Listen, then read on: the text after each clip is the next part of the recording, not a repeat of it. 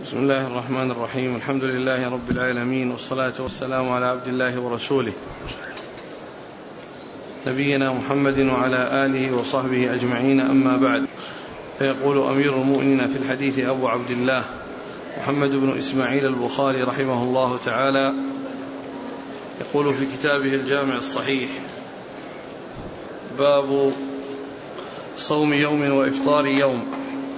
قال حدثنا محمد بن بشار قال حدثنا غندر قال حدثنا شعبة عن مغيرة قال سمعت مجاهدا عن عبد الله بن عمرو رضي الله عنهما عن النبي صلى الله عليه وآله وسلم قال صم من الشهر ثلاثة أيام. قال أطيق أكثر من ذلك. فما زال حتى قال صم يوما وأفطر يوما. فقال اقرأ القرآن في كل شهر. قال إني أطيق أكثر. فما زال حتى قال في ثلاث. بسم الله الرحمن الرحيم. الحمد لله رب العالمين. وصلى الله وسلم وبارك على عبده ورسوله نبينا محمد وعلى آله وأصحابه أجمعين. أما بعد يقول الإمام البخاري رحمه الله باب صيام صيام يوم وإفطار يوم.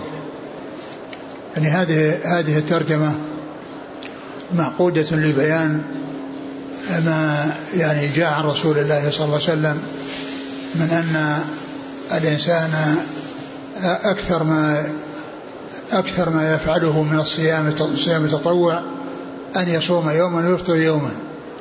وهذا هو الذي أخبر به رسول الله صلى الله عليه وسلم عبد الله بن عمرو وقال إنه لا يزيد على ذلك وأنه لا أفضل من ذلك. فالحديث يدل فالحديث الذي أورده يدل على صيام يوم وإفطار يوم وأن ذلك كصيام نصف الدهر كما سبق أن مر وكما هو معلوم من عادة المصنف رحمه الله أنه يذكر الحديث ويكرر يذكره في مواضع متعددة وتراجم متعددة للاستدلال به على مسائل مختلفة. وهنا ساقه من أجل أن إفطار يوم وصيام يوم وإفطار يوم أن هذا هو الأكثر أو أكثر ما أرشد إليه الرسول عليه الصلاة والسلام في حق من يريد الإكثار من التطوع لأن الرسول صلى الله عليه وسلم لم يزد على ذلك في إرشاده لعبد الله بن عمرو بن العاص رضي الله تعالى عنهما. أعد. قال قال صم من الشهر ثلاثة أيام. قال أطيق أكثر من ذلك. ما زال حتى قال صم يوما وأفطر يوما. نعم. فقال اقرأ القرآن في كل شهر. قال إني أطيق أكثر. فما زال حتى قال في ثلاث. وجاء يعني وذكر أيضا يعني مع صيام شهر صيام يوم وإفطار يوم يعني فيما يتعلق بقراءة القرآن. وقال إنه يقرأ القرآن يعني في في كل شهر. فقال إنه يطيق أكثر من ذلك.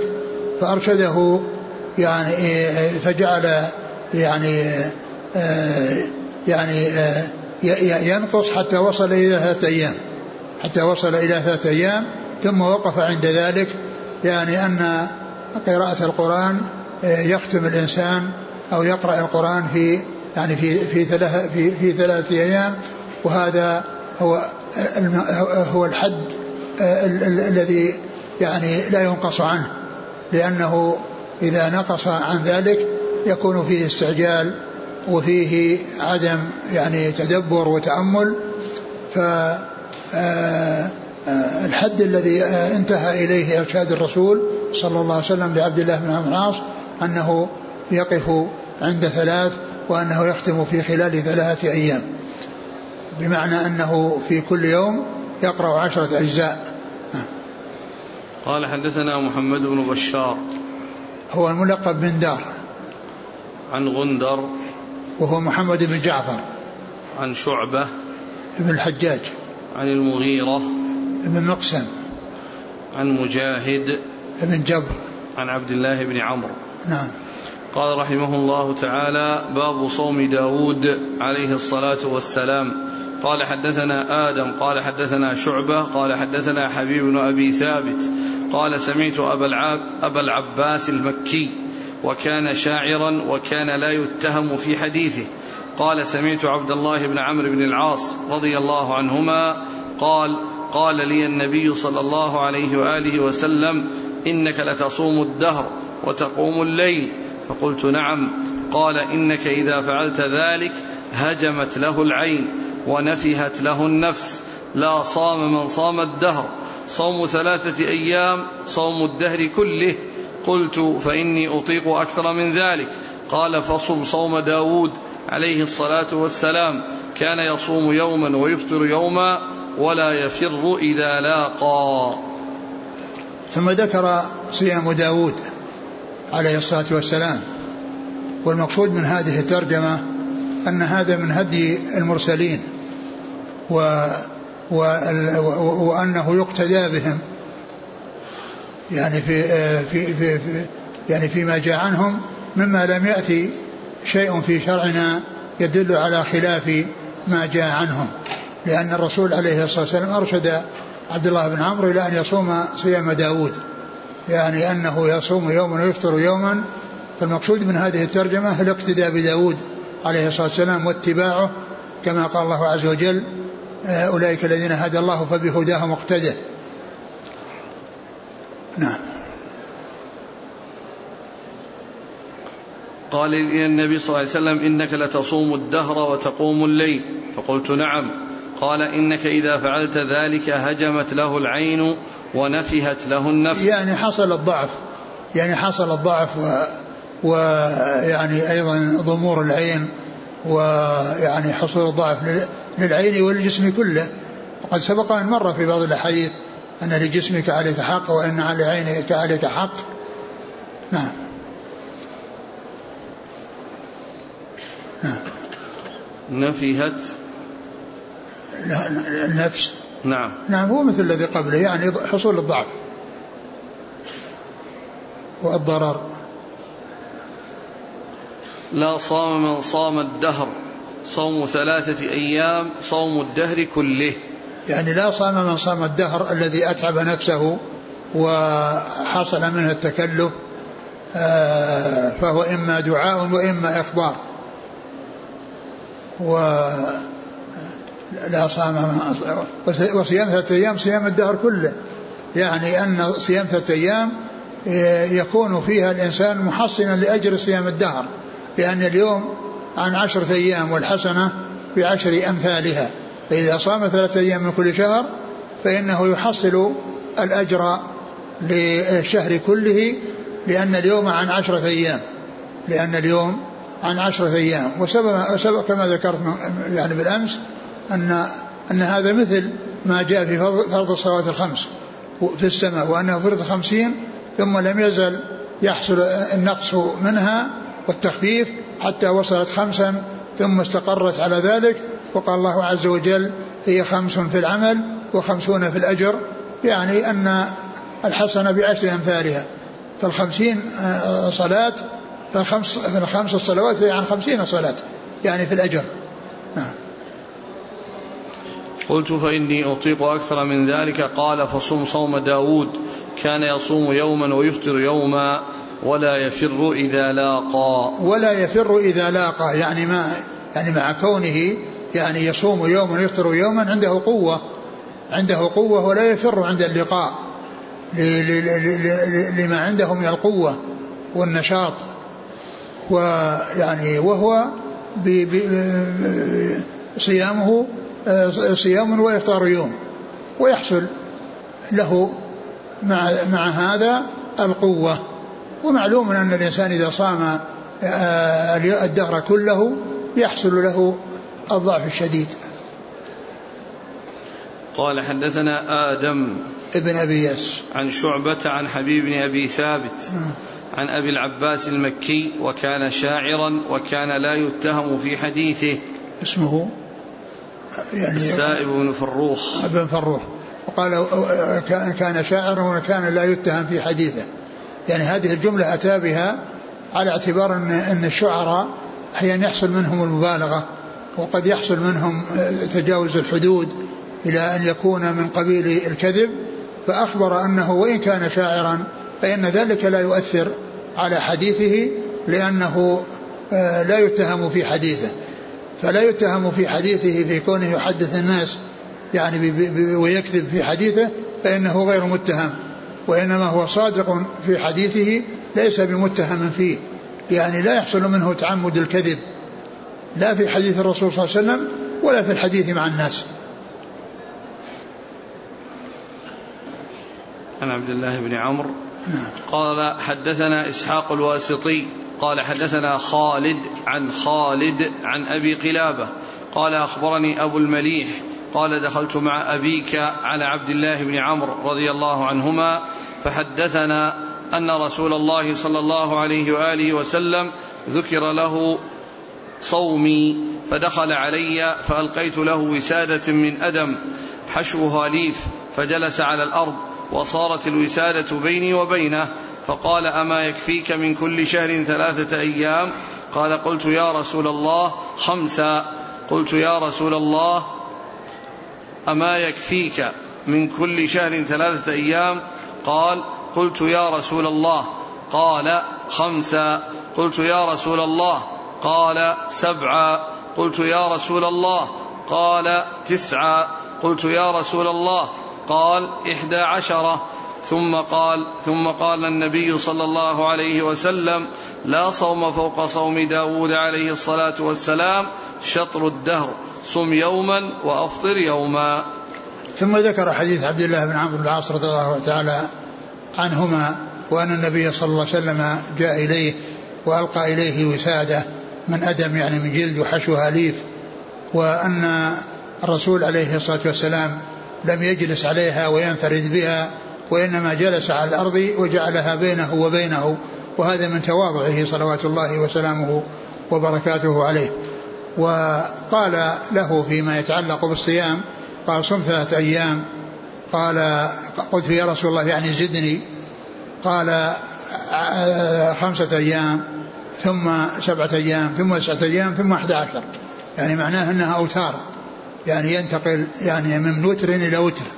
فقال له ثلاثا ثم زاده إلى خمس ثم زاده إلى سبع ثم زاده إلى تسع ثم زاده إلى إحدى عشرة ثم قال له إنه لا لا أفضل من صيام داود وكان يصوم يوما ويفطر يوما وذلك صيام نصف الدهر.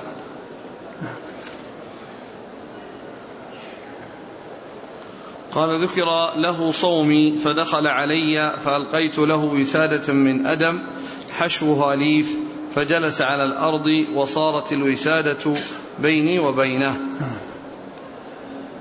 قال حدثنا إسحاق الواسطي بن شاهين.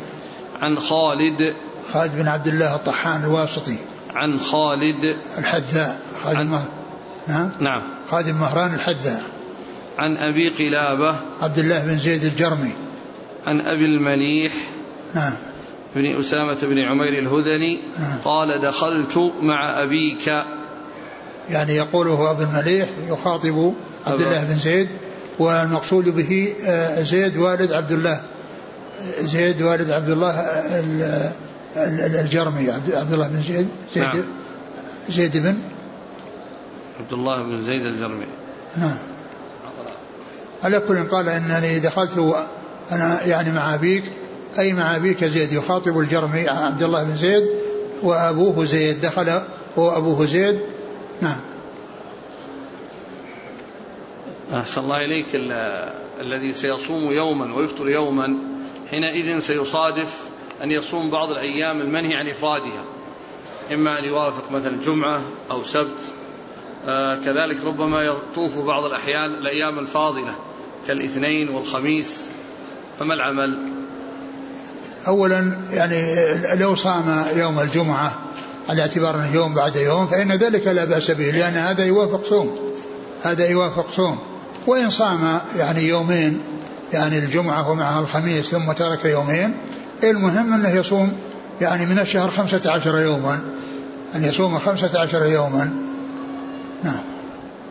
لكن إن أتى بها الخميس مع مع الجمعة أو أتى يعني بالجمعة وحدها لأنه صام الأربعاء والأحد وصام الجمعة لا بأس بذلك. لأن هذا وافق صيامه. وهذا مثل ما لو وافق يوم الجمعة يوم عرفة يوم الجمعة فإنه يصوم يصوم يعني يوم الجمعة يعني يوم الجمعة وحده. لا لا يأتي قبل شيء قبله لا يأتي بشيء قبله. لأن لأن المقصود أنه صام يوم عرفة ويوم عرفة وافق الجمعة. فلا يقال أنه لا يصام إلا ومعه يوم قبله بل يصام وحده ما في بأس. لأن الإنسان ما صامه على اعتبار أنه الجمعة على اعتبار أنه يوم عرفة. وكذلك إذا صار وافق صيامه يوم وترك يوم ويوم ترك يوم ثم وافق الجمعة لا بأس بذلك. وإن جمع بين الخميس والجمعة وترك السبت والأحد والسبت فصارت النتيجة أنه صام من صام نصف الشهر. صام نصف الشهر. وأحيانا ربما يصادف السبت. وكذلك السبت أمره أسهل لأنه ما ورد فيه يعني شيء يعني مثل الجمعة. الجمعة أمرها واضح. وأما السبت ففيه خلاف بين أهل العلم. يعني هل هل هل يصام وحده وهل يصام مع غيره؟ نعم. وصيامه مع غيره جاءت به السنة عن رسول الله صلى الله عليه وسلم في صحيح البخاري كما سيأتي كما كما كما, كما يعني سيأتي أو مر. يعني آه آه أنه آه أن أنه حديث جويرية الذي قال أصمت أمس قالت لا قال أتصومين غدا قالت لا قال فأفطري. فقوله أتصومين غدا هذا يدل على أنها لو أخبرته بأنها ستضيف إلى الجمعة يوم السبت فإن ذلك يصح. يعني وأما إن أرادت صيام يوم الجمعة وحده فهذا الذي أرشدها صلى الله عليه وسلم إلى أن تفطر وألا تستمر في صيامها. قال رحمه الله تعالى باب صيام أيام البيض ثلاث عشرة وأربع عشرة وخمس عشرة. قال حدثنا أبو معمر قال حدثنا عبد الوارث قال حدثنا أبو التياح قال حدثني أبو عثمان عن أبي هريرة رضي الله عنه أنه قال أوصاني خليلي صلى الله عليه وآله وسلم بثلاث صيام ثلاثة أيام من كل شهر وركعتي الضحى وأن أوتر قبل أن أنام. ثم قال البخاري باب صيام صيام أيام, أيام البيض. البيض. وأيام البيض هي الثالث عشر والرابع عشر والخامس عشر. وقيل لها أيام البيض لأن ليلها مضيء يعني من أوله إلى آخره وهي ليالي الإبدار يعني يكون القمر بدرا ويكون يعني موجودا في الليل كله. فقيل لها أيام البيض لبياض ليلها مع نهارها يعني انها النهار يعني كله يعني متصف بهذا الوصف وأما الليل فإنه يتصف بهذا الوصف الذي هو بياض البياض بياض ضوء القمر في هذه الليالي الثلاث التي هي الثالث عشر والرابع عشر والخامس عشر. ويستثنى من ذلك آه، ذي الحجة فإنه لا يصام الثالث عشر لأنه من أيام التشريق. لا يصام الثالث عشر في شهر ذي الحجة لأنه من أيام التشريق وأيام التشريق لا يجوز صومها. وأما يعني في غير شهر ذي الحجة فإنها الأيام الثلاثة كلها تصام. فيعني يعني يعني بدل ما يصوم الثالث عشر الذي لا يجوز صومه في عهد الحجة يصوم معه يوم آخر. إما الست عشر أو يوم إما السادس عشر وإما يوم آخر. المهم أن يصوم ثلاثة أيام من كل شهر. و آه، وإنما يعني ذكر ذكرت البيض. قيل لأن القمر في الغالب يعني ينخسف في هذه الليالي. فإذا حصل الخسوف وكان الإنسان في عبادة وكان في طاعة وفي حال الخسوف مأمور بالاشتغال بالطاعة والاشتغال بالصدقة والإحسان فيعني يكون يعني آه، صيام أيام البيض من, من هذه الناحية. ويمكن أن يكون مقصود به أن هذه متوسطة في أول الشهر ليست في أوله ولا في آخره ويكون الإنسان في هذه الأيام يحرص على أن يأتي بها وأن يلاحظها بحيث لا تفوته لأنه لو تساهل وتمضي الأيام في الشهر حتى يمكن يأتي إلى آخره دون أن دون أن يشعر. لكنه إذا عود نفسه أنه يصوم ثلاثة أيام يعني معينة كأيام البيض فإن ذلك الغالب أنه لا يفوته لأنه آه، آه، قصد وتعمد أن يكون صيامه في هذه الأيام أن يكون صيامه في هذه الأيام التي هي البيض التي التي لياليها بيض. وكما قلت يعني بعض العلم قال إن لأن فيها أيام الإبدار وفيها كسوف القمر لأنها ليالي الإبدار وفيها كسوف القمر وكون الإنسان يكون على عبادة أو على يعني أنواع من العبادات ومنها عبادة الصوم. ثم ذكر هذا الحديث أبي هريرة وليس فيه ذكر أيام البيض. ولكنه يعني جاء في بعض الأحاديث ما يدل على تعيينها ويعني وهي ليست على شرطه. الحادي الثالث عشر والرابع عشر والخامس عشر يعني جاءت ولهذا نص عليها وذكر الحديث الذي يشملها ويشمل غيرها. لأنه قال ثلاثة أيام من كل شهر فيمكن أن تكون البيض وأن تكون غير البيض. لكن هي تدخل تحت هذا العموم. وأنها مندرجة تحت قوله صلى الله عليه وسلم صيام ثلاثة أيام من كل شهر. وهذه الوصية لرسول الله صلى الله عليه وسلم لأبي هريرة في هذه الأمور الثلاثة قال أوصاني خليلي صلى الله عليه وسلم بثلاث آه، ركعتي الضحى وصيام ثلاثة أيام من كل شهر وأن أوتر قبل أن أنام.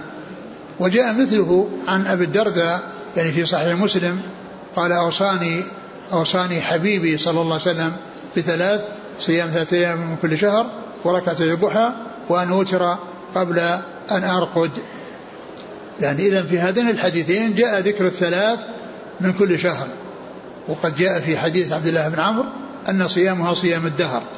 وهذا هو الذي أرشده إليه صلى الله عليه وسلم أول الأمر بأن يفعله وقال أن صيامها أنه صيام الدهر.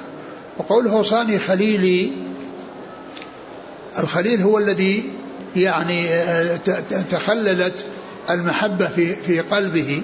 ومعنى ذلك أن آه، أن أن تخللت محبة الرسول صلى الله عليه وسلم في قلب أبي هريرة. ف يعني فها فما جاء في هذا الحديث لا ينافي قوله صلى الله عليه وسلم لو لو كنت متخذا من أمتي خليلا لاتخذت أبو بكر خليلا. لأن هذا ليس هذه الخلة هي من جانب أبي هريرة وليست من جانب الرسول صلى الله عليه وسلم. الرسول صلى الله عليه وسلم لو كان متخذا خليلا لكان متخذ أبا بكر رضي الله عنه. ولكن آه، أبو أبا هريرة رضي الله عنه أخبر من جانبه أنه يحب الرسول صلى الله عليه وسلم تلك المحبة العظيمة التي تخللت قلبه وهي أخص من المحبة فمن أجل ذلك يعني قال خليلي فلا فلا يعارض لو كنت متخذا لاتخذت أبو بكر خليلا لأن الرسول ما اتخذ أبا هريرة خليلا وإنما أخبر أبو هريرة عن نفسه لا عن رسول الله صلى الله عليه وسلم. فلا تنافي بين ما جاء في هذا الحديث وبين الحديث الذي فيه أنه لو كان متخذا خليلا لكان المتخذ أبا بكر رضي الله تعالى عنه. وصاني خليلي صلى الله عليه وسلم بثلاث ركعتي الضحى وصيام ثلاثة أيام من كل شهر وأن أوتر قبل أن أنام. وهذا في حق من يخشى أن يفوته الوتر في آخر الليل. أما من تحقق ذلك وغلب على ظنه أنه لا يفوته فإن جعله في آخر الليل أولى من جعله في, في أول الليل. لكن الذي لا يثق من نفسه أو قد يفوته فالاحتياط أن يأتي به في الأول. وهذا هو الذي يعني يعني أرشد إليه أبا هريرة ولعل هذا هو الذي يطابق حال أبي هريرة رضي الله عنه. نعم. قال حدثنا أبو معمر هو عبد الله بن عمرو. المنقري عن عبد الوارث بن سعيد. عن أبي التياح وهو؟ يزيد بن حميد نعم. عن أبي عثمان النهدي. عن أبي هريرة. أبي هريرة رضي الله عنه. وهذا الحديث أكثر مسلسل بالكنى في أكثره. ليس فيه ما عدا عبد الوارث. ما عدا عبد الوارث. الباقون كلهم مذكورين بكناهم. وعبد الوارث ذكر باسمه فهو يعني يعني مسلسل في في, في أكثره في الكنى. قال وإسناده بصريون. نعم. بصريون. بصريون؟ نعم. نعم. قال رحمه الله تعالى باب أبو هريرة ليس بصريا. نزل دخل البصرة. ها؟ مر معنا دخل البصرة. نعم أقول أبو هريرة مشهور في المدينة لكن على اعتبار أنه دخلها وأنه جاء إليها لكن سكناها والبقاء بها وبقاؤه مشهور في المدينة. وقيل إن هذا من أسباب كثرة حديثه كونه باقي في المدينة والناس يريدون إليها ويصدرون فيعطونه ما عندهم ويأخذون مما عنده يحدثونه بما عندهم من الأحاديث الصحابة وكذلك يعني هو يحدثهم فلهذا كثر حديثه وصار أكثر الصحابة حديثا مع أن إسلامه كان متأخرا. والأول المقعد عبد الله بن عمرو. نعم. قال رحمه الله تعالى باب من زار قوما فلم يفطر عندهم. قال حدثنا محمد بن المثنى قال حدثني خالد هو ابن الحارث. قال حدثنا حميد عن أنس رضي الله عنه أنه قال دخل النبي صلى الله عليه وآله وسلم على أم سليم رضي الله عنها فأتته بتمر وسمن. قال أعيدوا سمنكم في سقائه وتمركم في وعائه فإني صائم. ثم قام إلى ناحية من البيت فصلى غير المكتوبة فدعا لأم سليم وأهل بيتها فقالت أم سليم يا رسول الله إن لي خويصة. قال ما هي؟ قالت خادمك أنس فما ترك خير آخرة ولا دنيا إلا دعا لي به. قال اللهم ارزقه مالا وولدا وبارك له فإني لمن أكثر الأنصار مالا.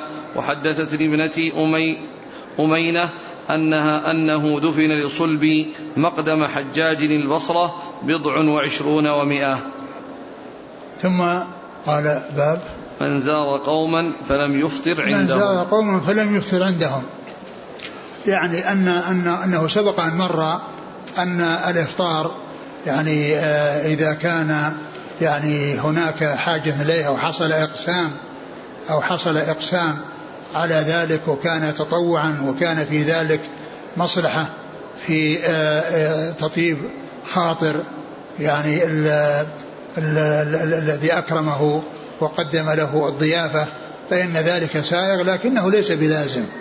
وهذا الحديث الذي معنا يبين أن ما جاء في الحديث المتقدم أن أن الأمر فيه واسع.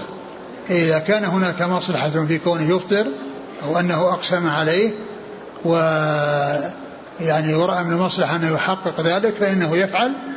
وأما هنا فإنه آه، يعني لم يفطر عندهم مع أنهم قدموا له الطعام الذي الذي يعني قدموه ليأكل فقال إني صائم.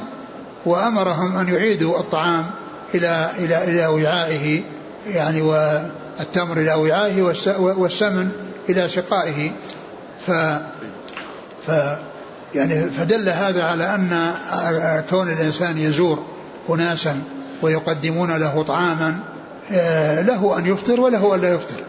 لكن الذي ينبغي أن يكون الإفطار فيما إذا كان يترتب عليه مصلحة أو يخشى مضرة بأن يكون في نفس الشخص أو يحلف عليه فإنه يعني يبر بقسمه. فهذه الترجمة يعني مبينة أن الفطرة ليس بمتحتم إذا زار أناسا وقدموا له شيء وهو صائم صيام التطوع أنه ليس بلازم كما فعل الرسول صلى الله عليه وسلم في هذا الحديث. قال دخل دخل صلى الله عليه وسلم على أم سليم. وهي أم أنس. نعم. فأتته بتمر وسمن. نعم. قال أعيدوا سمنكم في سقائه وتمركم في وعائه. نعم. فإني صائم. ثم قام إلى ناحية من البيت فصلى غير المكتوبة. ثم قام إلى ناحية في البيت وصلى يعني غير المكتوبة يعني وصلوا معه صلى الله عليه وسلم يعني معه يعني الرجال قيل إن أم سليم وأختها أم حرام صلوا وراءه صفا وصلى أنس بجوار رسول الله صلى الله عليه وسلم. وهذه غير المسألة القصة الأخرى التي فيها أنه أنه جاء وأنه قد صنعوا له طعاما وأكله وأنه قام وصلى وصار آه، الرسول صلى الله عليه وسلم صلى وراءه أنس وغلام يعني صغير وصلى آه، صلت أم سليم وراءهم صفا. فهذه قصة أخرى غير تلك القصة. هذه فيها صيام وعدم أكل وهذه تلك فيها أكل وتلك فيها أن أن آه، آه، أنسا وغلام معه صاروا صفا وراء النبي صلى الله عليه وسلم وأم سليم وراءهم وأما تلك فيعني فجاء فيها أنها امرأتان صلتا صفا وأن أنسا صلى بجوار رسول الله صلى الله عليه وسلم وأنه دعا لها ولأهل بيتها ثم إنها طلبت منه أن يدعو لأنس بن مالك رضي الله عنه فدعا له يعني بدعوة عظيمة وتحقق ما دعا به الرسول عليه الصلاة والسلام بأن كثر ماله وصار إنه من أكثر الأنصار مالا وكذلك يعني آه، كان آه، كثر ولده حتى أخبرته ابنته يعني أمينة آه، أن أنه دفن له يعني حين مقدم الحجاج بن يوسف البصرة بضع وعشرون ومائة يعني من صلبه يعني من أولاده. قيل إنهم أولاده يعني ليسوا من أسباط ولا من الأحفاد وإنما هم أولاده الذين يعني هو والدهم بدون أن يكون الولادة بواسطة كان يكون حفيد أو سبط فهو أبوه لأنه أبو أبيه أو أبو أمه وإنما هو أبو هؤلاء وغيرهم ممن عاش يعني يعني دون هذا العدد لكن هذا كله آه، من من من من معجزات الرسول صلى الله عليه وسلم وعلامات نبوته صلى الله عليه وسلم وأن الله تعالى آه، جعل أنس مالك على هذا الوصف الذي كثر فيه الولد وكثر فيه المال. وجاء في بعض الأحاديث يعني أنه دعا له بالمغفرة. يعني فيكون بذلك حصل شيئا في الدنيا يعني من حيث المال والولد وحصل شيئا في الآخرة وهي المغفرة مع أن حصول الولد والمال في الدنيا يعني يعني من أسباب أو يعني يترتب عليه آه، كثرة الثواب والأجور في الآخرة لأن المال إذا أنفق في سبيل الله فإن فائدة تحصل في الآخرة. وكذلك الولد إذا كان صالحا وكان يدعو لوالده فإن ذلك يفيده ويلحقه بعد موته. كما قال صلى الله عليه وسلم إذا مات ابن آدم انقطع عمله إلا من ثلاث صدقة جارية أو علم ينتفع به أو ولد صالح يدعو له.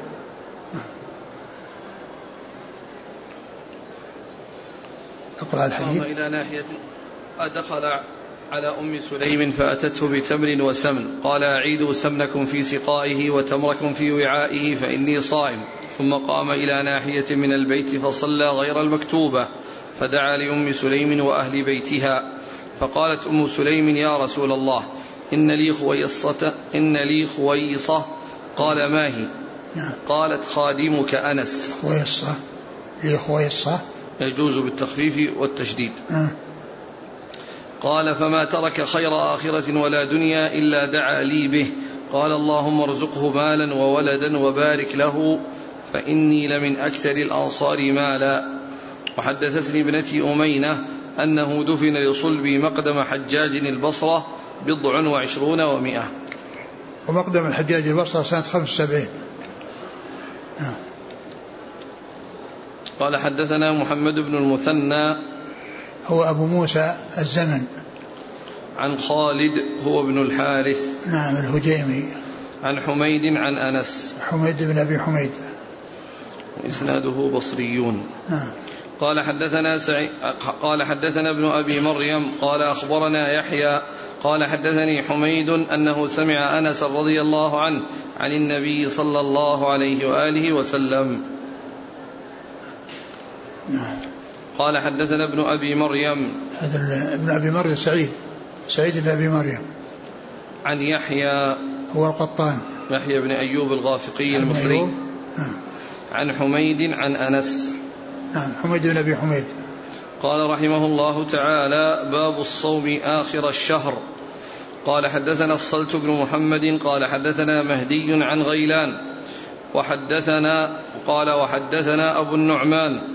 قال حدثنا مهدي بن ميمون قال حدثنا غيلان بن جرير عن مطرف عن عمران بن حسين رضي الله عنهما عن النبي صلى الله عليه وآله وسلم أنه سأله أو سأل رجلا وعمران يسمع فقال يا فلان أما صمت سرر هذا الشهر؟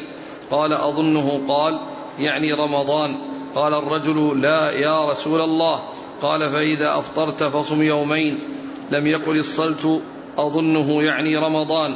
قال أبو عبد الله وقال ثابت عن مطرف عن عمران عن النبي صلى الله عليه وآله وسلم من سرر شعبان. أعد الأخير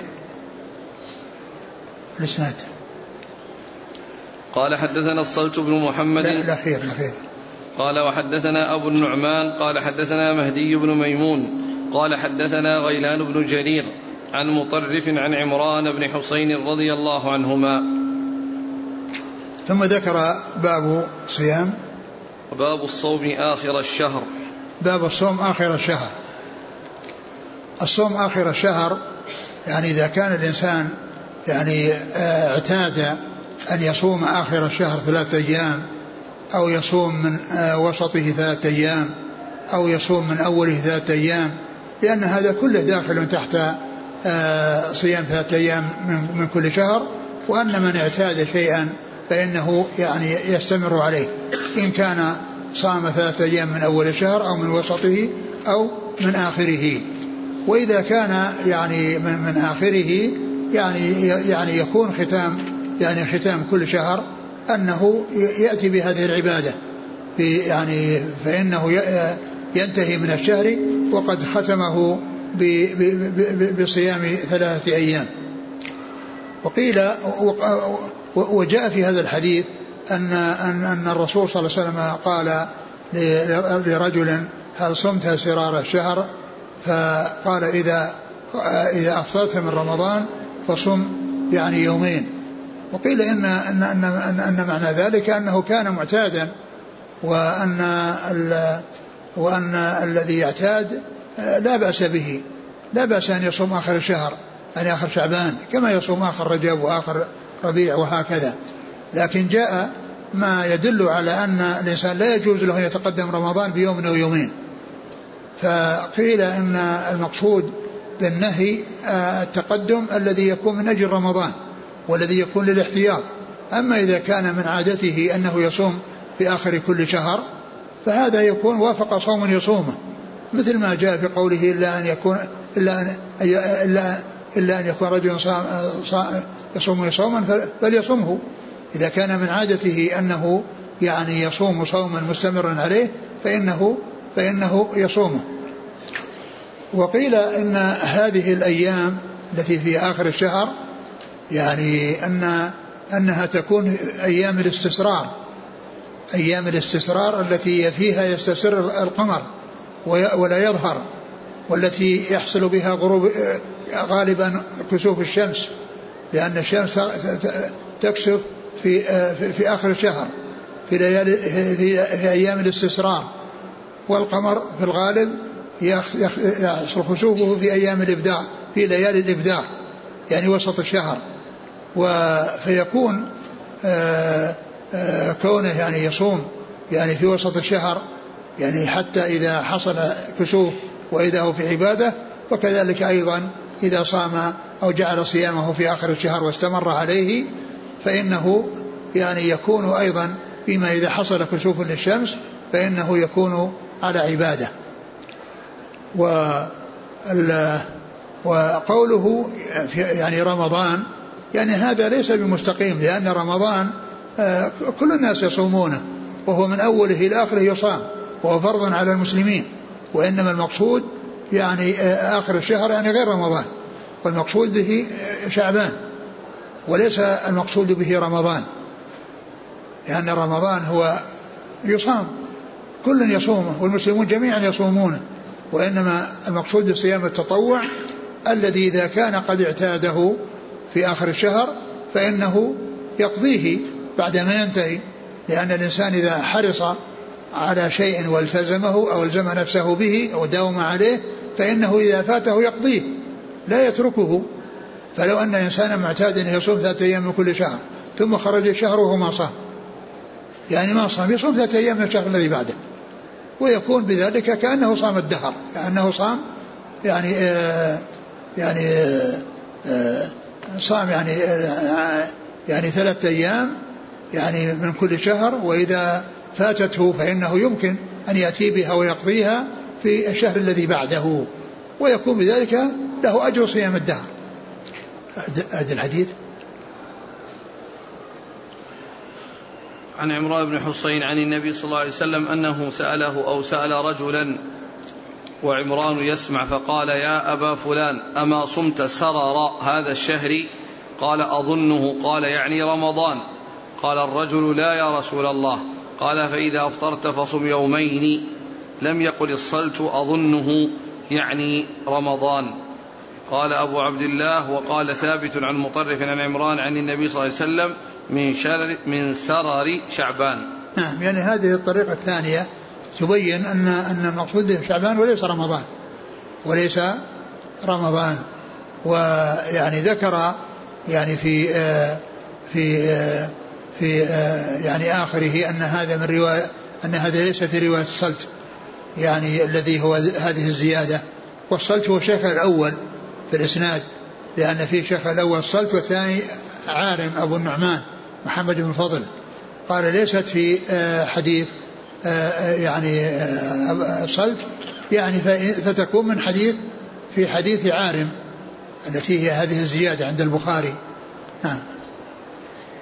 طيب هو الآن يقول إذا أفطرت فصم يومين. نعم يعني إذا لم تصم آخر الشهر إيه. فصم يومين. نعم. يومين من أي شهر؟ من الشهر اللي بعده. بعد رمضان. قال إذا أفطرت نعم بعد رمضان. إذا إذا أفطرت منه ولا أفطرت لا إذا خلصت من رمضان. إذا أفطرت من رمضان. انتهى. إذا أفطر الناس من رمضان وجاء العيد يصوم من الشهر الذي بعده قضاء. ويستمر على هذا الفعل لبقية الأشهر. هذا إذا كان إنه يعني مستمرا على هذا الذي هو أنه يصوم من آخر الشهر. وأما إذا كان أنه يعني يصوم من أول من وسط الشهر لا أنا أريد أفهم الفتوى هذه. قال إذا أفطرت فصم يومين. هو يسأل فقط عن صوم شعبان سرر شعبان أو يريد أن يجعل هذا ندب لصوم نهاية كل شهر. نعم لا هو هذا نهاية كل شهر. إذا سيستمر بعد ذلك. نهاية شوال هذا هو لأن القعدة الحجة. هذا هو ما ي... لأن أيام الاستسرار كما قلنا. أيام الاستسرار مثل أيام الإبدار ليالي الإبدار لكن هذا لمن كان عادته. أما أن يأتي به في شعبان فقط فهذا يدخل تحت قوله لا تتقدم رمضان بيوم أو يومين. إلا أن يكون رجل عليه وافق صوم فليصمه فهذا إذا كان من عادته أنه يصوم هذه الأيام من كل شهر وأنه مداوم عليها كما يداوم على أيام البيض أو يداوم على ثلاثة أيام من أول الشهر فهذا هو الذي يعني يسوق ولا يتعارض مع قوله لأنه يصير معناه أنه وافق صوم اعتاده. ومعلوم أن من اعتاد شيئا يصومه يعني قبل رمضان لا لا من أجل تخصيص رمضان للاحتياط لرمضان فإن ذلك يعني وافق صوما يصوم ما صامه من أجل الاحتياط لرمضان وأما تأويل السرر بأنه السرة وأنه الوسط. يعني هو ال ال ال السرر أو يعني هو هو, هو آخر الشهر. السرر هو آخر الشهر لكن تفسيره يعني يعني بالسرة يعني الأصل هو أن السرر هو آخر الشهر وليس أوله لأن أيام الاستسرار هي في الآخر. هي ليالي الاستسرار في الآخر أيام الاستسرار في الآخر وليالي الإبدار في الوسط. وش قال في السرة هذه؟ لأنه جاء يعني بعض العلماء قال السرة. نعم. وقيل السرر وسط الشهر. نعم. حكاه أبو داود أيضا ورجحه بعضهم.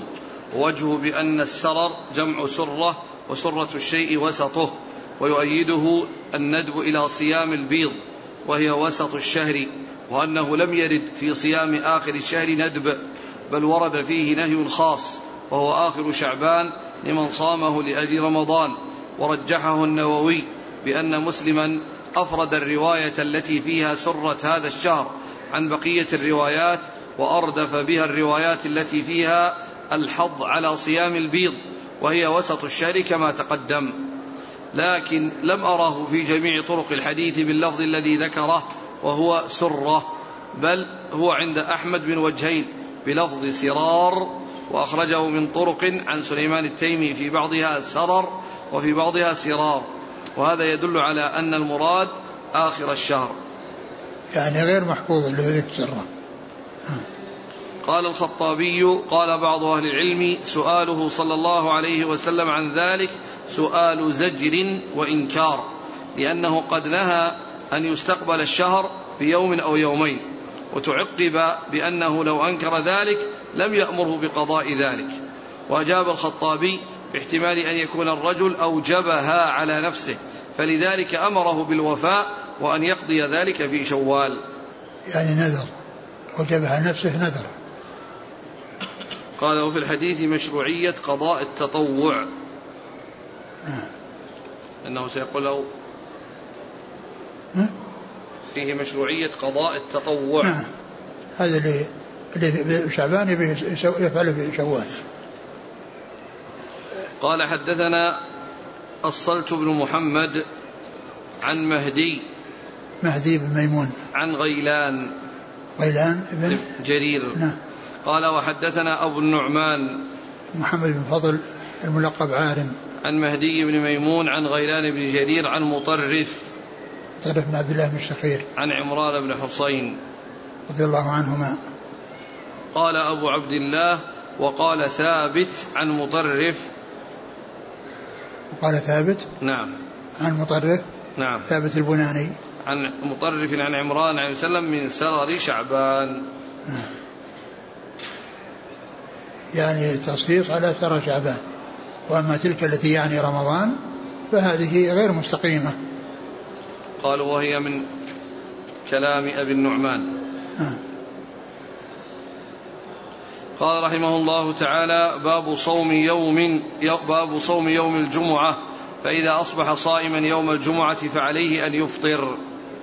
قال حدثنا أبو عاصم عن ابن جريج عن عبد الحميد بن جبير عن محمد بن عباد قال سألت جابرا رضي الله عنه نهى النبي صلى الله عليه وسلم عن صوم يوم الجمعة قال نعم زاد غير أبي عاصم أن ينفرد بصوم. أعد. الإسناد. قال حدثنا أبو عاصم عن ابن جريج عن عبد الحميد بن جبير عن محمد بن عباد قال سألت جابرا رضي الله عنه نهى النبي صلى الله عليه وسلم عن صوم يوم الجمعة قال نعم زاد غير أبي عاصم أن ينفرد بصوم. ثم قال باب صوم الجمعة يوم الجمعة وإذا أصبح وإذا أصبح صائما فليفطر. يعني إذا كان أراد أن يفرده بالصوم هذا هو الذي يفطر. أما إذا صامه وهو يريد أن يصوم يوما بعده أو قد صام يوما قبله فإن فإنه لا يفطر فإنه يعني لا يفطر وإنما الذي يؤمر بالإفطار هو الذي قصد صيامه وحده. لا يصوم يوما قبله ولا يصوم يوما بعده كما سيأتي في حديث جويرية رضي الله تعالى عنها. وفي هذا الحديث ذكر الإطلاق. يعني آه، وليس فيه التقييد إلا ما جاء في آخره أراد أن يفرده أن أراد أن يفرده. قال غير أبي عاصم أن ينفرد بصوم. قال غير أبي عاصم؟ أن ينفرد بصوم. يعني ينفرد بصوم يعني الجمعة. وهذا هو الذي يمنع منه إفراده بالصوم لا يصوم قبله ولا بعده هذا هو الذي يمنع منه. كما يعني سيأتي يعني آه كما جاء في الحديثين الذي بعده وفي آخره هو الذي فيه الأمر بالإفطار لمن لم يحصل منه آه صيام يوم قبله أو العزم على أن يصوم يوما بعده. والحديث يعني هذا هذه الأحاديث الثلاثة وهذا أولها أنه يعني النهي عنه إذا أراد إفراده. قال أنا رسول الله صلى الله عليه وسلم عن صوم يوم الجمعة. قال نعم. وقال غير أبي عاصم إذا أن ينفرد بصوم. أن ينفرد بالصوم يعني ينفرد اليوم بصوم لا يتقدمه يوم ولا يتأخره يوم يصام. نعم. والبخاري يرى أن النهي للتحريم. إذا قال إذا أصبح صائما يوم الجمعة فعليه أن إيه. يفطر. اي نعم. الحديث نفسه واضح. في أنه في حديث جويري الذي سيأتي قال أفطري. قال حدثنا أبو عاصم. هو ضحاك بن مخلد النبيل. عن ابن جريج. عبد الملك بن عبد العزيز بن جريج. عن عبد الحميد بن جبير. هو؟ عبد الحميد بن جبير بن شيبة بن عثمان الحجبي. نعم.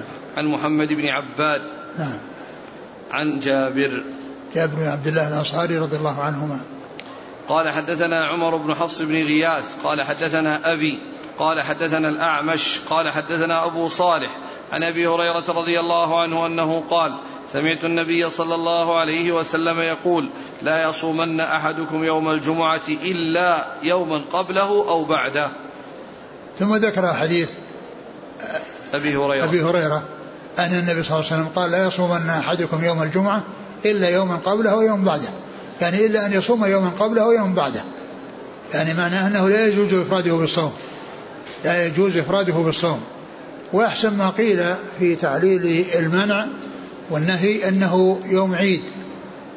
وهو إن كان يعني يخالف يوم العيد الذي هو عيد الفطر وعيد الأضحى فإن هذان يعني يحرم صومهما يعني مطلقا آه، يعني سواء أضيف إليهما يعني آه، غيرهما أو لم يضف.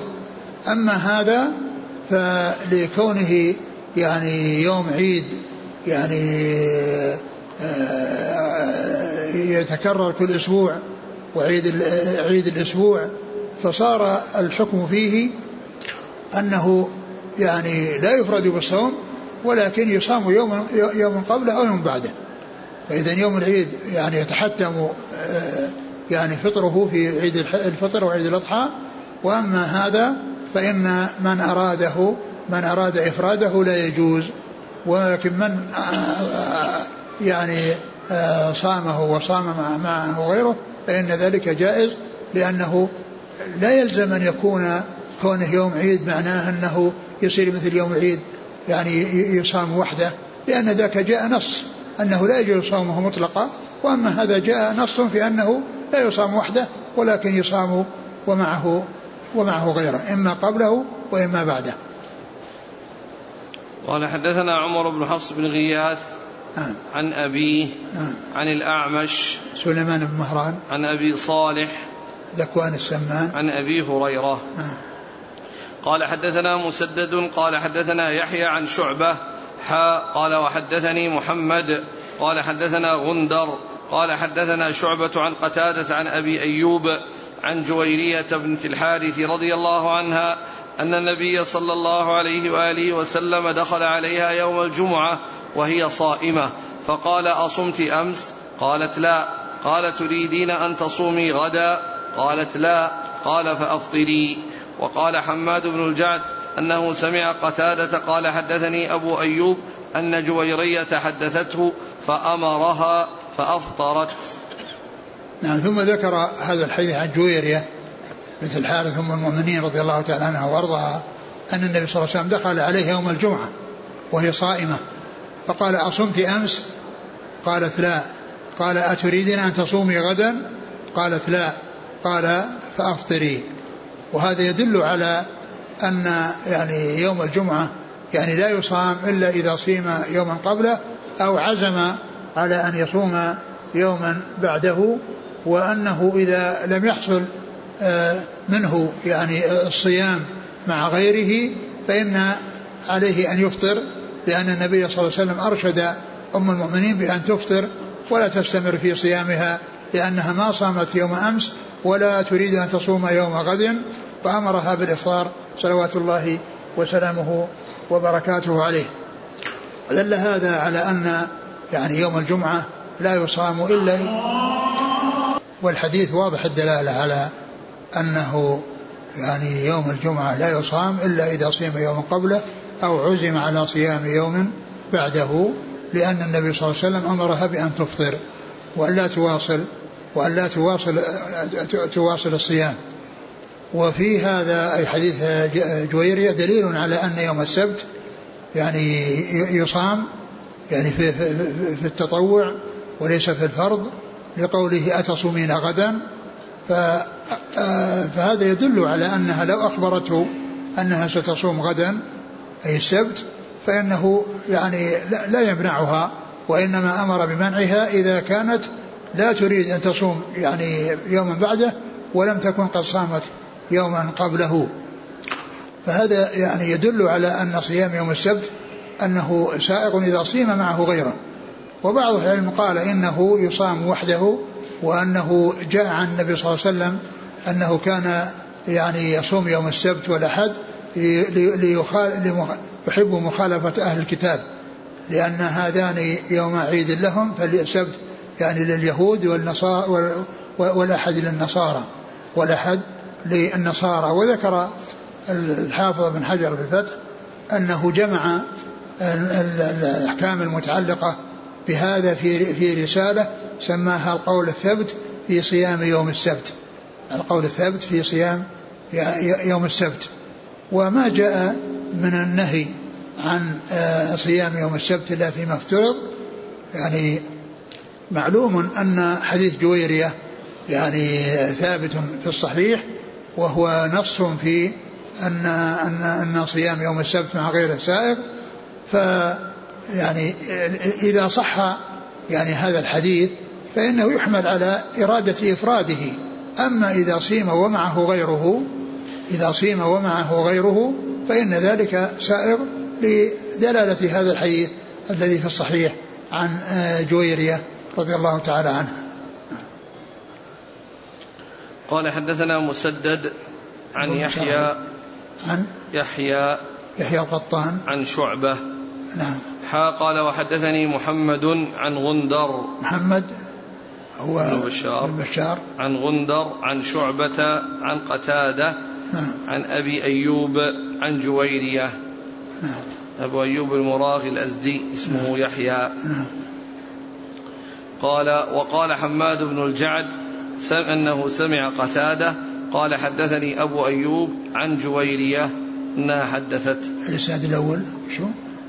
عن قتادة عن بالعنعنة هذا نعم لأن هذا أتى بطريقة ثانية يعني ليبين أن قتادة جاء عنه التحديث والتصريح بالأخبار والأول بالعنعنة وهو مدلس فهذا من أجل يعني بيان أنه جاء عنه التحديث. نعم. وأن الراوي عنه في الأول شعبة. نعم. وهو نعم هو لا يروي عن المدلسين إلا ما سماعهم. إلا ما عرف آه، سماعهم إياه. نعم. قال رحمه الله تعالى باب هل يخص شيئا من الأيام؟ والله تعالى أعلم وصلى الله وسلم وبارك على عبده ورسوله نبينا محمد وعلى آله وأصحابه أجمعين. ونتوقف عن التدريس إلى يوم الاثنين. جزاكم الله خيرا. وبارك الله فيكم ألهمكم الله الصواب ووفقكم للحق. شافاكم الله وعافاكم ونفعنا الله ما سمعنا. غفر الله لنا ولكم وللمسلمين أجمعين. آمين. ما ذكر في أن النبي صلى الله عليه وسلم رخص لعبد الله بن عمرو في قراءة القرآن في ثلاث. كيف مما روي عن السلف أنهم يختمون القرآن في كل يوم؟ لا سيما في الأيام الفاضلة. كرمضان والعشر الأواخر وعشر ذي الحجة. كأنه, كأنه والله أعلم أن المقصود أنه يعني يكون فيه تأمل أو فيه تدبر. يعني بخلاف يعني إذا قل عن ذلك فإنه لا يحصل يعني المقصود من التلاوة هو التدبر.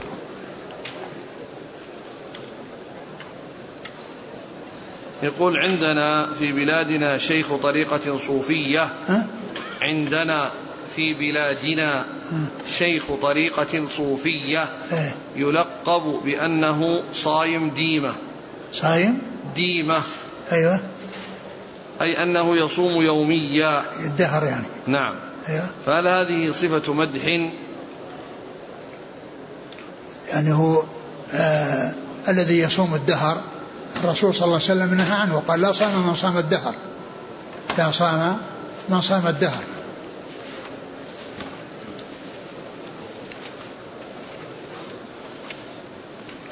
طبعا الذي يذكرونهم يعني يأتون بذلك مدح ما هو بذنب. ذكر الحافظ بن حجر من فوائد حديث عبد الله بن عمرو قال وفيه أن طاعة الوالد لا تجب في ترك العبادة ولهذا احتاج عمرو إلى شكوى ولده عبد الله ولم ينكر عليه النبي صلى الله عليه وسلم ترك طاعته لأبيه. ما رأيكم؟ يعني هذا نعم صحيح لكنه إذا كان يعني آه سيترتب على ذلك ضرر عليه فيعني ضرر عليه يترتب على ذلك ضرر فينبغي له أن يطيع والده. أما يعني كونه يخشى عليه مثلا يقول لا تروح تصلي في المسجد لا تصلي في المسجد يعني يذهب ويصلي في المسجد لكنه يحرص على إرضاء والده. ولا شك أن هذا الحديث يدل على ما ذكره الحافظ لأن عمرا يعني آه، اشتكاه إلى رسول الله صلى الله عليه وسلم ويعني أنهى أمره إلى رسول الله صلى الله عليه وسلم ومعلوم أنه آه، آه، يعني يعني نصحه في ذلك وأشار عليه يعني في ذلك. هل يجب إتمام صوم القضاء؟ قضاء رمضان أم أن ذلك مستحب؟ لا يجب. يجب يعني إذا صام فرضا إذا صام فرضا فإنه يجب عليه إتمامه. يعني سواء فرضا يعني قضى فرض رمضان أو الإتيان بما أوجبه على نفسه وهو النذر. وإنما الذي آه، هو مخير إذا على حسب المصلحة هو التطوع. لأنه إذا كان رأى المصلحة أنه يفطر أفطر كما جاء في قصة الأقسام الذي مرت أو يعني آه، وإذا كان رأى المصلحة أنه لا يفطر فله ذلك كما جاء في قصة آه، عرض السمن و السمن والتمر عليه صلى الله عليه وسلم وقال إنه صائم. جزاكم الله خيرا. سبحانك اللهم وبحمدك نشهد أن لا إله إلا أنت نستغفرك ونتوب إليك.